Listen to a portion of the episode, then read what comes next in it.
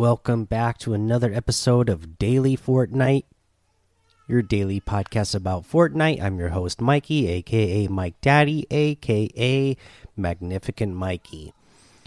Uh, so again, Winterfest is still going on. So it looks like uh, I can't remember what I said before. I, I think I said maybe the 14th, but it looks like uh, I got a message that says you have until January 7th to open up your Winterfest presents. So make sure you go open those presents if you haven't opened up all your presents yet. Um, you have until January 7th.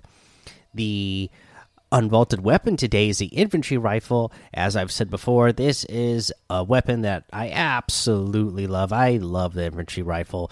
Such a good weapon.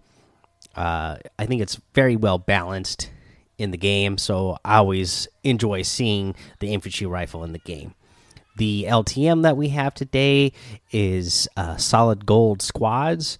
Uh, you know, again, another version, uh, another LTM that I love to play because you, you know you you and everybody else always gets uh, gold weapons. So you know you you you always end up with good weapons. So can't complain about that.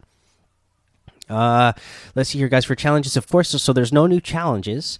Uh, you know, for Winterfest, they've already released them all. Uh, I have all of mine done. Uh, so make sure you get all of yours done so you can get all those free items.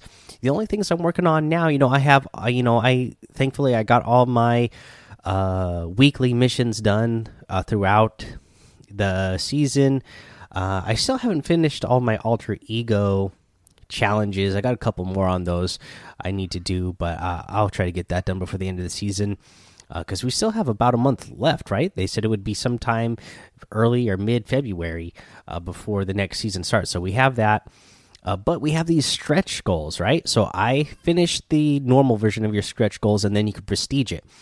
And you know, some of these are really tough. Some of these have a long one. So I would definitely uh, just want to remind you to put on party assist uh, for these challenges if you're somebody who you know likes to get all the challenges done off your list you know throw throw party assist on some of these stretch goal challenges especially in the prestige mode because uh, it, it, some of these are uh, quite daunting uh, uh, and then we have another set of challenges that's coming in five days. You know, uh, we have no idea what it is. It just is a question mark. So must maybe more overtime challenges, maybe more free items. I don't know. I can't wait to find out though. And I guess the rest of this season, I'm just going to be trying to get the check marks and get all these uh, challenges done if I can. Uh, you know, the rest of my prestige stretch goals missions. Uh, let's see here, guys. That's uh, all I got for you, though. So let's go ahead, take a break. We'll come back, we'll go over the item shop and a tip of the day. All right, so let's take a look at this item shop, and we have the Dolph outfit back in here. Uh, so bringing that back into the shop uh, for the winter season. You have the Crackabella outfit, the Crack Shot outfit the snow globe harvesting tool and the crackdown emote as well. Uh, we have the uh, glimmer outfit back in here. Of course, everybody you know compares this one to Elsa from Frozen, so there you go. You got that one back in here. You have the flurry harvesting tool and the crystal carriage glider. Uh, you have the Kane outfit back in here, the Cutie Pie outfit, the Cozy Coaster glider, the Ride Along emote, the Ring It On emote, and a new emote, Snow Day. We'll make him our best friend, and your character takes out a big couple of big piles of snow and makes a little snowman, and then it uh, proceeds to fall apart. so, uh, pretty cool. Uh, Evo uh, makes me laugh, uh, obviously. And then, uh, yeah, so you still have the Darkfire bundle, the Polar Legends pack, and this uh, starter pack in here. So get all those using code Mike Daddy M M M I K E D A D D Y in the item shop. It will help support the show. Hashtag sponsor. Uh, now for our tip of the day, this is one. Uh, I don't know how long this has been going on, uh, but I absolutely love this tip. Uh, hopefully I'm gonna you know, I've been keeping up with my New Year's resolution so far. Three days into the New Year's, I've been going into creative every day. You know, fifteen to twenty minutes, and just practicing my, uh, you know, my nineties and my my my editing and resetting. Especially now that I've uh, changed my settings, uh, I'm starting to get used to those again. Uh, playing some more Zone Wars, you know, after changing the settings because you know I, you know, you just get a lot more uh, encounters with opponents uh, in quick succession uh, in that mode. So uh, it's allowing me to get used to my settings again that much quicker. And yeah, so now that I am getting quicker, I'm hoping this tip is going to help because uh, this one, this was something that a player named Ryu Zanami found, and it's great. So it's going to help you take uh, little to no fall damage, uh, no matter how high up in the sky you are. And it's all based on the mechanics of the way things break in the game.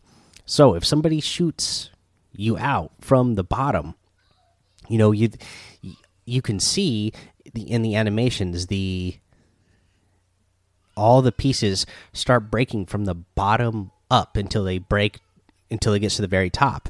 It's working upwards. But also, when something starts breaking from the bottom, if you edit out the top piece of the little tower that you've built, then it will start breaking downwards as well. And so you'll just kind of land on the pieces below as the top one breaks, and then the next one breaks, and the next one breaks that you're standing on until you go uh, further down and further down and then at some point they're going to meet but it it should help you get down lower low enough to where you can hold down your uh your wall uh, build. So just spam that. And then as soon as it starts hitting also when you see once you see those walls built hit your floor piece so that you'll land on top of that and you're not going to drop all the way down to the ground. You'll end up being maybe like two stories above the ground. And uh, at that point hopefully not taking any fall damage uh, because you haven't fallen you know you you've been working your way down slowly closer to the ground before you actually start uh, to a free fall drop. So that's going to be a big one for you. This is one that like i said uh, you know you, have to realize that somebody has uh, broken down your build uh, but if if if you realize it and you take uh, advantage of this right away uh, it's going to be a big help for you all right guys that is your tip of the day taking no fall damage uh, Go join the daily Fortnite Discord. Follow me over on Twitch and YouTube. Mike Daddy on both of those. Head over to Apple Podcasts. Leave a five star rating and a written review for a shout out on the show. Subscribe so you don't miss an episode. And until next time, have fun, be safe, and don't get lost in the storm.